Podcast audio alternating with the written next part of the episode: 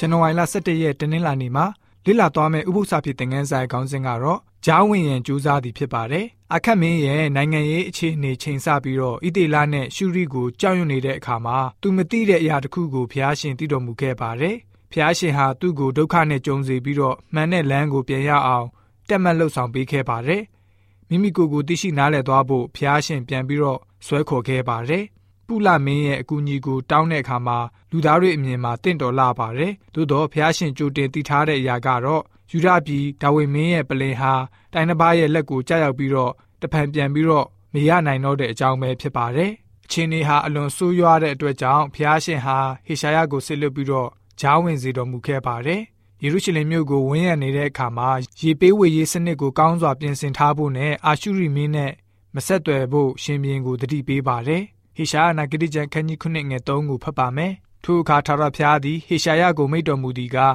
တင်သည်တင်ဤသားရှာယာရှုပ်နှင့်အတူသွား၍ခွာသည်ဤလေနားမှလျှောက်တော်လန်းအထက်ရေကန်ပြုံဝ၌အခက်မင်းကိုကြိုဆို၍တွေ့လင်ဆင့်ဆူရမည်မှာဆိုပြီးတော့ဖော်ပြထားပါတယ်။အခက်မင်းဟာဆိုလို့ရှိရင်ဟေရှာယရဲ့နှုတ်ဆက်စကားနဲ့သူ့ရဲ့သားနာမည်ကိုမိတ်ဆက်ခြင်းအတွက်ခိတ္တအံ့ဩခဲ့ပါတယ်။ကြံကျွေးတဲ့သူပြန်လာခြင်းဘယ်အရာကိုဆုလိုတာလဲ။ ဘလို့အားဖြင့်ပြန်လာမှာလဲအကြောင်းကတော့သူငယ်လေးရဲ့ဖခင်ဟာပြောဖက်ဖြစ်ပါတယ်နာမည်ရဲ့အဓိပ္ပာယ်ကတော့ဖမ်းသွားချုပ်ထားခံရပြီးတဲ့နောက်ပြန်လာမဲ့တဲ့င်းကိုရှင်ဘရင်အရေးတကြီးကြီးညာလိုက်ခြင်းနဲ့တူပါတယ်အဲ့လိုမှမဟုတ်ရင်တော့နောက်နှရပြီးတော့ဖျားရှင်ထံပြန်လဲလာတာကိုဆိုလိုပါတယ်ပြန်လာတယ်လို့အသုံးပြုတဲ့ကရိယာအသုံးနှုန်းကတော့နောင်တရတယ်လို့လည်းပဲအဓိပ္ပာယ်ပေါက်နေပါတယ်အပြစ်ကနေနောင်တရပြီးတော့ပြန်လှည့်လာခဲ့ဖို့ဖြစ်ပါတယ်ဒါမှမဟုတ် တုတ်ပန်းအဖြစ်နဲ့ဖမ်းချုပ်ခြင်းကိုခံဖို့ဖြစ်ပါတယ်။ပြီးတဲ့နောက်မှာအဲ့ဒီတုတ်ပန်းတွေထဲကမှအကြံကျွင်းလေးဟာပြန်လာပါလိမ့်မယ်။ဆုံးဖြတ်ချက်ကတော့တင့်အပေါ်မူတည်ပါတယ်။ဖျားရှင်ရဲ့သတင်းစကားဟာဆိုလို့ရှိရင်ရှင်မင်းကိုဘယ်လိုမျိုးဖြစ်စေခဲ့တယ်လဲဟေရှာယနာဂတိကျမ်းခန်းကြီး9ငွေ400နဲ့9ကိုဖတ်ပါမယ်။တတိပြည့်၍ညီသက်စွာနေလော့မိကိုထွက်သောဤထင်းစားနှစ်ခုဒီဟုသော ရှုရိမင်းရေစိန်နှင့်ရေမလီဤသားတို့သည်ပြင်းစွာအမျက်ထွက်တော်လဲမစိုးရိမ်နှင့်စိတ်မပြတ်နှင့်ရှုရိပြည်အေဖရေပြည် ယင်မလိသားတို့ကငါတို့သည်ယူဒပြည်သို့တွား၍နောက်ဆက်ကြကုန်အံ့တိုက်ယူ၍ပြည်လေမှာဒါဘာလ၏သားကိုမင်းအရာ၌ခံထားကြကုန်အံ့ဟုတင်တစ်ဖက်၌မကောင်းသောအကြံကိုကြံကြတော်လေဖျားရှင်ထာဝရဘုရားကထိုအကြံမတီရထိုတို့မဖြစ်ရရှုရိပြည်၏ခေါင်းကဓမ္မတက်မြို့ဓမ္မတက်မြို့၏ခေါင်းကရေစိန်မင်းဖြစ်ရ၏အေဖရင်ပြည်၏ခေါင်းကရှမာရိမြို့ရှမာရိမြို့၏ခေါင်းက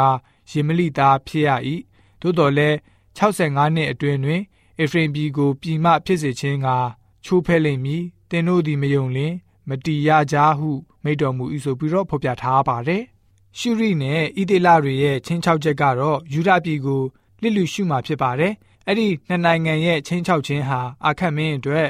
လန့်စရာပောက်ကွဲတောင့်လောင်တဲ့မီးဒုတ်ကြီးနှစ်ခုပုံစံမျိုးဖြစ်ပါတယ်။သို့တော့ဖျားရှင်ရှိတော်မှာတော့မိကိုငွေထွက်တဲ့ထင်းစားနဲ့ပဲတူနေပါတယ် အာရှုရိကိုအာခတ်မင်းအနေနဲ့အတနာခံကူညီတောင်းဖို့မလိုပါဘူးဒါပေမဲ့မှန်ကန်တဲ့ဆုံးဖြတ်မှုကိုလှုပ်ဆောင်ရမှာကတော့အခက်မင်းအနေနဲ့ဖျားရှင်နဲ့ဖျားရှင်ရဲ့ဂရုတော်ကိုကိုးစားဖို့ပဲဖြစ်ပါတယ်။ယုံကြည်မှုအပြည့်အဝနဲ့တိဆောက်ရမှာဖြစ်ပါတယ်။ယုံကြည်ပါတိဆောက်ပါဆိုတဲ့စကားနှလုံးဟာဟေဘဲရဲ့ဝါဟာရမှာတူညီတဲ့စကားလုံးကနေလာပါတယ်။အမှန်တရားဆိုတဲ့စကားလုံးကနေလာပါတယ်။အမိတကယ်ပြုနိုင်တဲ့အရာပြီးတော့အာမင်ဆိုတဲ့စကားလုံးဟာ